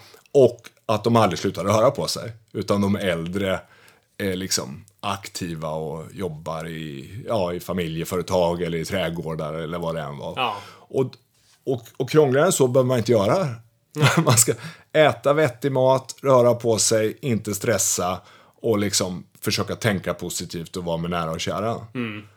Sen kan du ju liksom lägga på en massa marginal gains då med, med eh, träningen på ett specifikt Ja. sätt eller med tillskott som jag har utvecklat då med, med ett, på ett speciellt sätt. Va? Men, men basen i den här pyramiden är ju, är ju liksom absolut nyckeln. Va? Skillnaden där jämfört med hur det är här och, eh, eh, och hur det är i de här blå zonerna, det är väl att det, det är lite, det är, eller det är inte svårare här, men eh, liksom stressen, Ja, jo, det är mycket svårare. är lite mer Ja, mycket det är lättillgänglig. mycket det är det är svårare närmast att få i sig bra näring här. För vi omges av så otroligt mycket skitmat. Ja. Eh, Och det här med stressen som du säger och, och liksom att även om det är mycket folk så är det ganska isolerat ibland. Var, eh, många ensamma fast det är storstäder och så vidare. Ja, va? ja. Och, och man medicinerar mot sjukdom istället för att och, liksom behandla med förebyggande och Ja, sådär. Så, att, så, så att det, det är klart att det, jag menar, människokroppen skulle kunna, tror jag, klara sig långt över hundra år eh, i- som någon slags medeltal om folk bara hittade bättre nycklar. Ja, ja. Eh, fysiskt och Ja, mentalt. precis. Ja, Men man, men man lever ju i ett samhälle där allting ska gå så fort och eh, om man går in i en mataffär så är ju liksom det mest lättillgängliga är ju inte det som är bra. Nej. Utan det, det som skyltas med är ju, Ja, är ju det andra. och, och det skapar ju också knarket. Eh, den typen av mat har ju en enorm beroende eh, funktion ju. Absolut. Det, är liksom, sockret och fett i 50-50 blandning gör ju liksom att vi blir, vi blir eh, liksom narcotics på det va. Ja, ja, precis. Det blir ju en snöbollseffekt liksom. Och, och det är ju liksom... Det är ju det, är ju det som barnen gillar allra mest. Och Ja, så ja, blir det ju liksom. Och så blir det ju... Och så, Ja, fredagsmys hela tiden liksom. ja exakt. Och, och, ja. och den kulturen är helt absurd. Liksom. ja, ja. All den här reklamen för skit och, och Ja, ja. hur det har liksom blivit legio att man ska unna sig något. Ja, ja. Ja, och motsatsen till det, de som ändå försöker äta bra, blir ju de udda fåglarna. Liksom, de som kanske inte vill dricka alkohol varje fredag Ja. och lördag. Och liksom ut och festa eller, eller tar, tar bullar varje dag på fika på jobbet och sådär. Då blir de udda fåglarna när det egentligen borde vara tvärtom kanske. Nej, men någon slags balans där och jag menar en sån grej som alkohol. Jag, jag gillar ju verkligen vin till exempel. Jag Ja. tycker det är jättegott. Och för att idrotta så mycket så, så dricker jag kanske ganska ofta vin, även om jag berättar vi har haft fem vita veckor här nu. Men, Mm. men är, man dricker kanske ett glas vin då och då till maten och ibland Mm. dricker man två. Men jag försöker sällan liksom dricka så jag blir man säger, påverkad eller Ja. så man mår dåligt dagen, dagen efter. Men, men jag märkte, kände faktiskt nu under de här fem veckorna att jag tyckte nog träningen var lite extra, liksom lite mer på. Så att ja, ibland fick jag den här tanken att ja, fan, man kanske skulle testa en längre period he- helt utan. Men jag, jag, vet, jag vet inte. Om du, jag vet inte om du är riktigt där än. Nej, men... Nej. Nej, nej men det... Nej, precis. Men det, det, det måste alltid vara en balans och det måste alltid finnas en gräns för hur mycket man ska hålla på och späka sig själv också. Ja, men jag är en verkligen ingen asket alltså. Det, Nej. det, det, det, det, ska, alltså, det ska vara kul. Ja, Det, det Ja. gäller allt tycker jag. ja, exakt. Eh, För din återhämtning av dina skador och sjukdomar, hur, hur stor del skulle du vilja tacka liksom att ändå din kostfilosofi, att du äter bra och sådär. Är du lite extra noga med det när det har gått åt helvete, att du får i dig bra grejer liksom? Ja, inte, inte liksom på ett överdrivet sätt, Nej. men jag, jag tror att det, det har varit en kombination utav att jag var i extremt bra fysiskt skick när de här sakerna hände. Mm. Så att det i sig är ju ett stort värde. Och sen så tror jag att jag mentalt också tog dem på ganska bra sätt, de här. Det också hjälper mycket. Mm. Och sen så tror jag att jag liksom hade då den här övriga plattformen på plats med eh, bra näringsämnen i kroppen, eh, bra tillskott för cellerna och så vidare. Så att jag, jag hade liksom en bra läk, läkprestanda. Ja, och sen ja. kanske att jag redan hade haft tur i någon form av grundkroppsuppsättning och, och läk, läka fort. Mm. Men, eh, men jag, ja, jag inbillar mig det i alla fall. Mm. Men jag skulle vilja gå över lite grann till eh, eh, det tillskottet som eh, du står som medgrundare till. Selexir. Eh, hur kom det sig att du hoppade på detta tåg? Liksom? Vad, vad, Ja, men vad det, började det är ju en ganska speciell historia. Jag, jag, jag fick en, ett tips på en ljudbok av en eh, god vän som är tio år äldre än mig. Han delar liksom hälsointresse och sådär, träning, men han, han mera mediterar och gymmar. Det är ingen liksom, han cyklar inte och elitidrottar, absolut inte. Nej. Men han skickade mig en länk på en ljudbok och sa, lyssna på den här, sa han. Den kommer att förändra ditt liv. Och den här boken hette Growing Young. Och den handlade just om vad är åldrandeprocesser i kroppen och, och vad består de av och hur fungerar de och vad kan man göra åt dem för att försena dem och kanske till och med reversera i vissa Ja. fall. Och jag lyssnade på den här boken ett par träningspass i, i januari 2015 var det. Och när jag hade lyssnat på den här boken ett par gånger så, så blev jag liksom, då fick jag en sån här gnista liksom, det här måste jag testa. Det liksom kändes intuitivt eh, vettigt. Jag tyckte det var sunda argument. Det var ju mycket basics det här med låg stress, röra på sig, äta bra och eh, återhämta sig bra och, och eh, hela den biten. Men sen var det ett antal näringsämnen som han skrev om i den här boken. En specialistläkare inom tissue healing och cell, sårläknad och eh, sårläkning och cellvård egentligen. Va? Ja. Och den här killen han utbildade amerikanska armén i, i, i sårläkning och sådär. Han, han kunde liksom kroppens celler, vad, vad liksom, hur funkar det? Och han skrev om ett antal näringsämnen som kunde hjälpa eh, mitokondrierna och cellerna att få mer energi, återhämta sig fortare, vara i bättre skick, transportera slaggprodukter, bättre kognitiva förmågor och så vidare. Alltså eh, det här brain function och så vidare. Ja. Och då det här måste jag testa. Så jag beställde hem alla de där grejerna. Ja. Och det var ju ett tiotal olika tillskott. Det var Ja, många, flera av dem som var svåra att få tag på. Sådär. Men, så det började jag vad jag kallade mitt Project Benjamin Button. Nu ska Mm. jag se om det går att bli yngre. Det var ju liksom min, min, eh, min tes på det där. Jag, skrev, Yes. jag skrev om det där på min blogg. Eh, och det gjorde jag då i 15 i januari. Och så gjorde jag det och det, det är ju alltid svårt att säga vad är hönan och vad är ägget. Men jag tyckte jag presterade väldigt bra. Jag var ju verkligen i, i toppform då när jag eh, åkte in i, i den där första olyckan där Ja. på våren 15. Men, men jag tyckte jag fick bra resultat. Jag mådde bra av det. Jag hade liksom bra energinivåer. Jag hade otroligt bra allmänhälsa. Jag återhämtade mig fort och sådär. Och sen efter de här så körde jag det hela 2015 och 16. och inte minst efter skadorna, när jag märkte att jag läkte så, så, så uppenbarligen jättefort. Då blev jag ännu mer liksom övertygad om att fan, det är någonting med det här som verkar fungera för mig. Ja.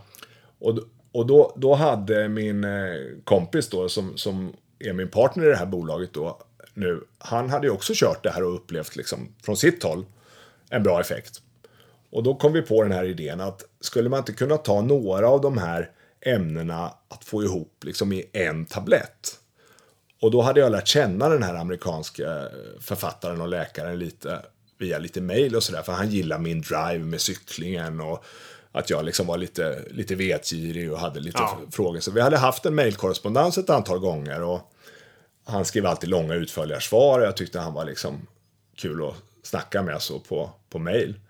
Och då kom vi på den här idén, jag och min kompis här, att han, är, han kunde nämligen eh, production och supply. Han, han är läkemedelsingenjör så han, han ritar, eller han, han ritar liksom läkemedelsfabriker. Eller eh, lite ansvarig tekniskt konstruktionsmässigt. Ja. Så han kunde upphandling och sånt där. Så han sa att vi, vi skulle kunna sätta ihop det här. Jag har kontakterna för att hitta liksom rätt eh, manufacturers och sånt. Va? Och då, då var det grundidén. Och då, då frågade vi den här amerikanska doktorn då, som, skrev boken, Dr. Gittel heter han. Vi, vi, vi har den här idén, vad tror du om den? Jo, för tusan, låter toppen, sa han. Vill du vara med som credential för den? Sa vi. För vi insåg ju att det är bra att ha någon budskapsbärare här Ja, med, med lite cred. För vare sig han eller jag kunde ju inte ett smack om det här området. Nej, nej, nej. Vi var ju bara liksom eh, lärjungar som, som var övertygade om att vi trodde att det här var bra. Ja. Efter egen, egen practice. Eh, men han tyckte det här var en kanonidé och han sa att jo, för tusan, jag är med. Och sen körde vi igång bolaget då. Eh, och det gjorde vi då 2017, i början på 2017. Och eh, det var ju först liksom ett projekt, så det var ju mycket Jante. Ja, vad har han gjort nu liksom? det, ja, men du förstår. Ja, Eh, och och jag, jag kände väl själv att det här, kanske, det här kanske blir ett projekt som blir svårt att liksom komma igenom och nå någon marknad. många, många, många kritiska Må, röster. många kritiska röster, en tuff marknad, Mm. väldigt svårt att nå ut och, och liksom, vi hade ju inget liksom, riskkapital bakom oss heller. Men, men eh, i början var det ju bara mest friends and family sådär som, som eh, supportade oss. Men, Mm. men sakta men säkert då så fick vi lite traction och, och eh, Sen var, jag med, var vi med i någon podd och sådär och, och eh, någon hälsorelaterad podd och sen fick vi lite mer och sen så började det där liksom organiskt växa lite. Och 2018 på hösten så tog det en jättefart helt plötsligt. Och eh, förra året var ju fantastiskt, vi växte 400 procent. Ja. Så, så det har ju liksom gått från en, en, bara en kul idé till och nu liksom vara ett riktigt företag. Eh, med, med en jättefin tillväxt och många tusentals nöjda kunder. Så det är fantastiskt roligt och, och hela den här historien var ju att vi lever som vi lär. Vi tror på det här, vi gör det här och vi tror att fler kommer att kunna vilja dra nytta av en enkelt smidig administrerad produkt med liksom hyggligt bra science bakom. Ja. Eh, och, och det var liksom, idén är då att, att få fram tillskott som, som, som eh, hjälper oss synergiskt, var och en för sig med de här ingredienserna, och ännu mer tillsammans. Eh, och nu har vi också tagit fram en ny produkt då med, för, för sportprestation. Då. Så nu, nu har vi breddat produktportföljen i år. Då. Yes, ja men precis. Och den produkten har jag faktiskt fått nöjet att testa lite grann. ja, du har testat Endurance Jajamän. Ja. Eh, skulle ut på ett eh, två och en halv timmas eh, traillöp faktiskt. Och Ja. då tjongade jag, då, jag, jag vet inte hur, hur din rekommendation är kring det, men jag bara, det var det jag drack på morgonen Ja, innan ja, frukost. Och sen så jag gav mig ut i Helt skogen. rätt. Nej, det var, det var ju faktiskt inga konstigheter liksom. Nej, men Eh, du, du hade bra tryck och sådär? eller? Ja, jag drog i mig den flaskan innan och sen så hade jag vatten med mig Ja. lite grann så här, Hur, liksom. hur smakar det då, tyckte du? Sådär eller? Det var in, inte toppen. Alltså det är, det är inte som den här eh, supersiliskiga så här, proteinshake som bara Nej. smakar hallondrömmar. Nej. Men Det, det... den är inte gjord för att smaka gott. nej, ska man liksom... Men man behöver inte så mycket, det räcker med en och en halv deciliter. Ja, Men, nej, men vad kul att höra, för det är ju... Så idén till den här nya produkten, som heter Selexir Endurance, den fick ju jag lite med samma basidé som den första produkten. Men efter att ha tävlat då i flera år på cykellopp, då brukar jag ta performance enhancers innan lopp som vetenskapen hade gått stöd för. Mm. Jag tog en koffeintablett, ja. jag, jag, tog eh, eh, jag tog sån nitrat, du vet ja, rödbets, ja, rödbetsextrakt och sånt ja. där. Jag tog L-citrulin som hjälper också nitrat, en aminosyra. Jag tog mm. taurin som finns i Red Bull. Ja, just det. Jag tog rosenrot för mental eh, liksom, välmående mm. Och, mm. och vällust. Och det där hade jag känt, det fungerar bra för mig. Men jag kände samtidigt, borde man inte kunna göra det här också lite bättre? Mm. Om vi kunde samla de bästa performance-enhancerna i en produkt. Mm. Och sen kanske krydda med någonting som, eller med några saker som vetenskapen har, har hyggliga bevis för, men, men, som kanske används i, genom generationer i olika kulturer och sådär. Ja, ja. Vi, vi hittar ett, till exempel ginseng i Kina. Mm. Det finns saffran från Mellanöstern, så har man använt för, som energizing i, i flera hundra år. Mm. Och, och då hade jag fått kontakt med en av Sveriges ledande idrottsforskare som är PhD på Stanford University och är medicin, medicine doktor. Han heter Mikael Mattsson. Mm. Och det är nog kanske den tyngste vi har i Sverige i renommé så att säga. Jaha. Och han och jag eh, tog då, eller han tog fram den här formulan med liksom, av sparringen vi har haft då. Och då samlade han egentligen liksom researchmässigt, vad, vad, vad vet vi om det här vetenskapsmässigt? Och då har vi fått fram, tycker vi då, en helt unik top notch formula som inte finns någon motsvarighet till. På gymmarknaden finns det ju 13 så kallade PVOs på yes. dussinet. Mm. Men för konditionssport och för ut endurance uthållighet finns det ingen. Och det vi har gjort det är ju tagit de saker som funkar för aerob metabolism, för mental performance, för energi. Ja, vi har inga kolhydrater i, så det är ingen sportdryck. Så, så, energin hämtar du där du brukar hämta den. Om du gillar och käka bananer eller dricka annan sportdryck. Ja, ja. Eh, men så, så, du kör den energi du brukar göra, dina kolhydrater. Och sen har du det här som en, en, liksom en, en din performanceformula. När du riktigt vill prestera. Inte varje träning, för då, då, adapterar man sig också till de här sakerna. Och det är ganska mycket koffein i en dos också. Mm, så man ska mm. inte köra för ofta. Nej. Men varje tävling är givet för mig. Och sen kanske något pass då och då när jag känner att nu vill jag liksom pusha extra eller jag ska köra flera timmar eller något sånt där. Mm, mm. Eller jag ska göra ett maxtest på en halvtimme. Ja, precis. Och, och då är det, vi har till exempel, det är koffein från guarana och grönt te. Mm. Och det, det, är de här so olika andra aminosyrorna jag nämnde då, och ja. nitrat. Sen har vi en motsvarande elektrolyt, typ en Resorb i också.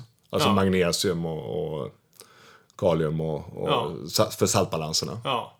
Ja men då, då är det ju en ganska bra dryck och även köra, ja men även när det är som, som jag gjorde då, distanspass, typ två, ja, tre timmar. Ja, liksom, verkligen. För... för du får ju elektrolyterna, du får eh, liksom de här uppiggande sakerna. Ja. Och sen ska du vara ute då, så du behöver mer kolhydrater. Då får du krydda med det då. Mm. Som när jag kör Vätternrundan till exempel, då körde jag tre doser sådana här.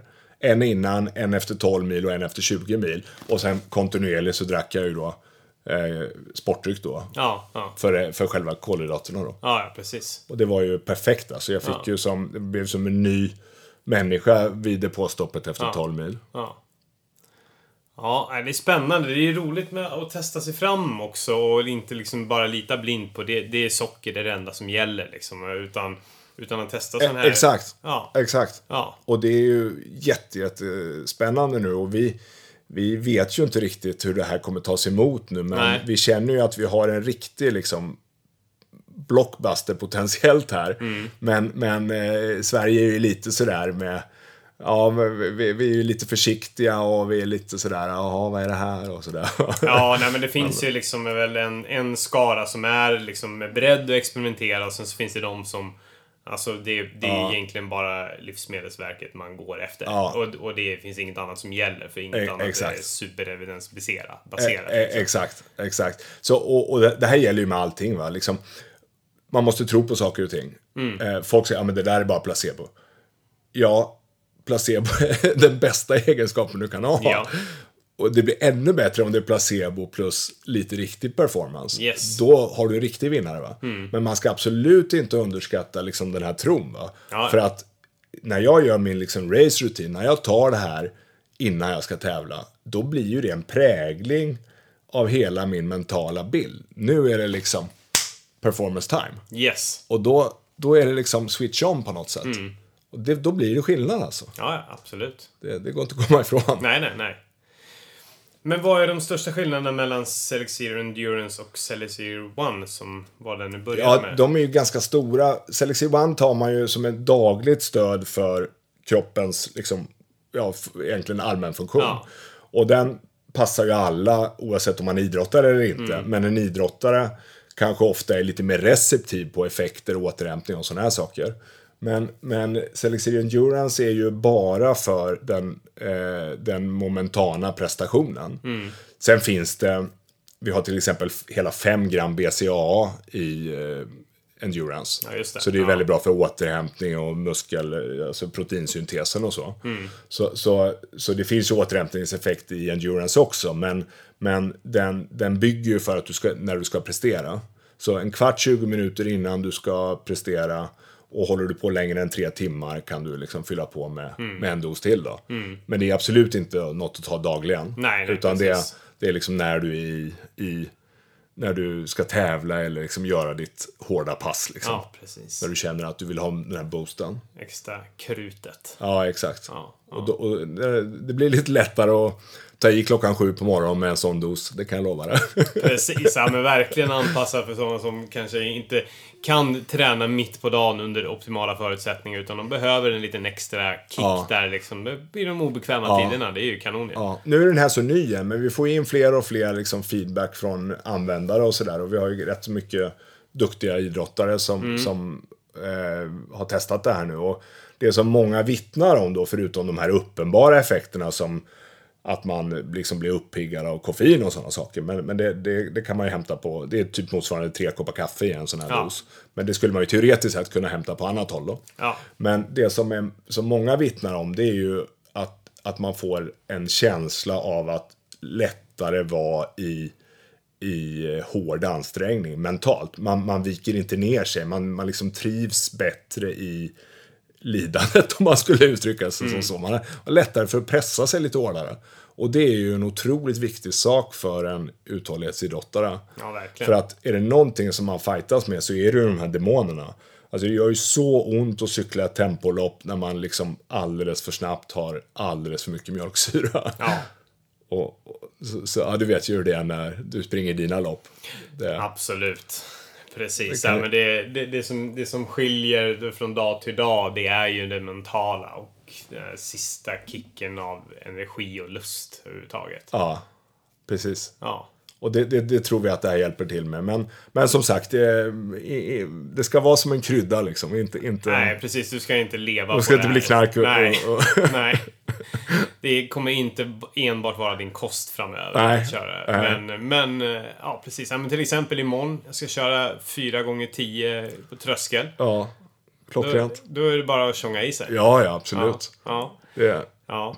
Nej, men jag, jag ska fortsätta utvärdera det här. Det, men eh, rent krasst liksom, om man kollar på ingredienserna och hur jag har mått när jag tagit det så känns det som, känns som en bra grej. Mm. Och eh, det är bara att fortsätta testa sig fram helt enkelt. Mm. Man måste våga testa liksom också och inte bara sträva, sträva mot nymodigheter eller liknande utan liksom för att optimera så måste man Ja, ja. experimentera. Nej, men det, alltså, det är ju ingen hokus pokus. Det finns ju hur mycket research som helst på Ja, många, visst. många av de här ingredienserna. Och, och tittar man på det bara rent krasst så, så säger Mikael här, eh, Mattsson, han, han säger att eh, vi planerar att göra en sån här stor studie så småningom, en Mm. dub, dubbelblind studie.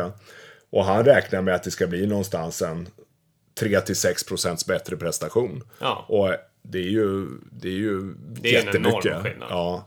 Så, så eh, om det fungerar, ja det gör det absolut. Mm. Eh, sen så är, är det naturligtvis individuell anpassning och hur man Absolut. liksom reagerar på olika saker. Men, men eh, helt klart så, så finns det gott stöd för det här. Ja, absolut. Ja, nej men det är nej, men rolig och spännande produkt och eh, ja, nej, vi får se hur, hur det går med tröskelintervallerna. Ja. Helt enkelt. Ja, vad lägger du dem på för intensitet då? Blir det... Ja, du, alltså jag ska springa med en löparklubb så då, det får styras lite grann där. Men det, ja, men... eh, Puls eh, 85-90 eller? Ja, ja, men något sånt. Ja, så det, det, kommer, det, kommer vara, det kommer vara bra tryck där tror jag. Ja, och det kommer ja. vara svettigt. Så jag behöver, jag behöver den extra kicken. Det kan Ja. man ju säga. Ja, ja, det kostar att ta sig upp på den där pulsnivåerna. Det, Ja, fy faro. det är väl det jag känner nu när jag har tränat mycket nu under januari och att man har liksom bra bas sådär. Att det kostar på bra mycket att bara ta upp pulsen på upp mot 90 procent nu alltså. Ja. Så. Nej, det, är- det är en resa upp mot att lättare komma till de där pulszonerna. Så, så Ja. Har du gjort någon sån här eh, laktatmätning och sådana grejer någon gång? Jag har gjort det på Activitus. Ja. Men jag kommer- jag kommer vet fan kommer du ihåg vad det... Jag kommer fan inte ihåg. Nej, jag har ju gjort ett antal sådana grejer Ja. och, och jag verkar ha en, en ganska, ganska säregen disposition att kunna ackumulera mycket mjölksyra. Ja, ja.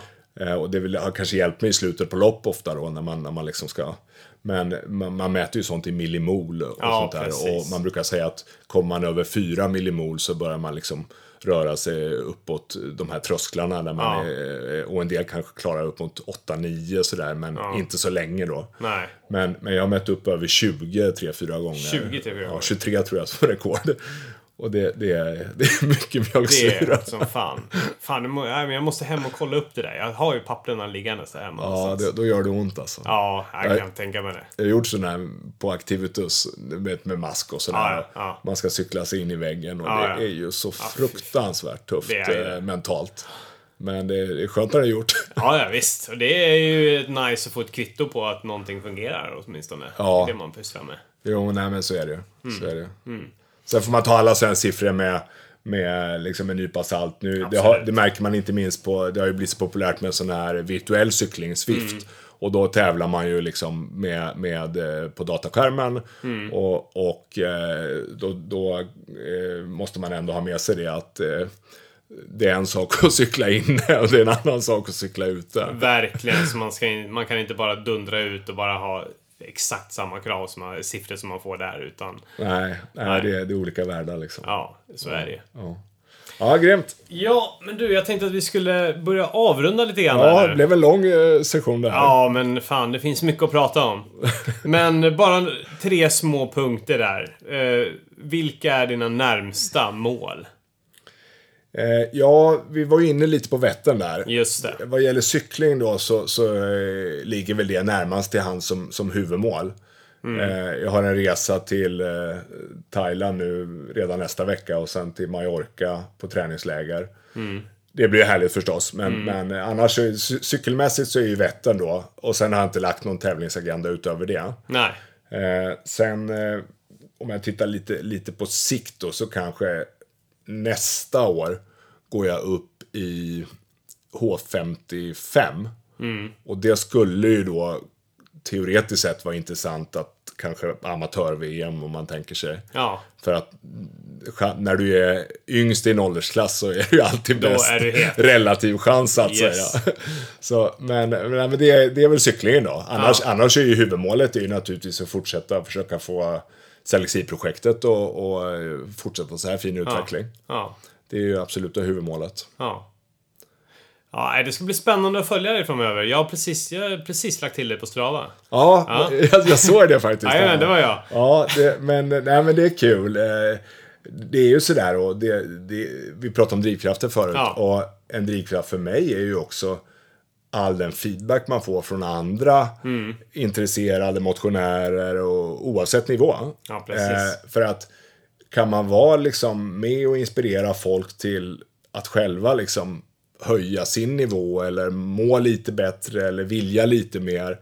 Då är ju liksom det en jättestor del av, av helheten. Och det blir ju som en positiv spiral. Det ger ju mig energi och driv och det, liksom, det här blir ju samverkande. Det blir ju synergier åt alla håll. Verkligen. Så, så, så det där med liksom den här träningscommunityn som är, är ju, många tycker liksom att ah, det här är bara massa sociala mediefjant hit och dit. Ja, och, ja, och skryta. och skryt och sådär. Jag, Ja. jag håller ju inte på med Instagram och så, men jag tycker det är Strava tycker jag är kul och det är kul att liksom mäta performance och det är kul att se vad andra gör och det är kul att se vad en själv gör och sådär. Ja, och det skapar peppa, liksom... peppa ja, andra. men li- och- lite så. Ja, På, på lagom nivå liksom. exakt, exakt. Sen, sen är det ju... Det har väl tyvärr hänt lite olyckor med folk som, som ska ta, Jaga ta rekord och jaga segment. Så det är Självklart. baksidan naturligtvis. Va? Ja, ja visst. Men det, är- det är en baksida man får ta. Såg Fan, du inte är- rödlyset? Jag hade chans på kom för fan. Ja, ja, exakt. Ja, nej, fan, man måste ta lite risker för att det ska bli lite roligt också. Ja, Så är det ju. Ja, men så är det. Ja. Ja.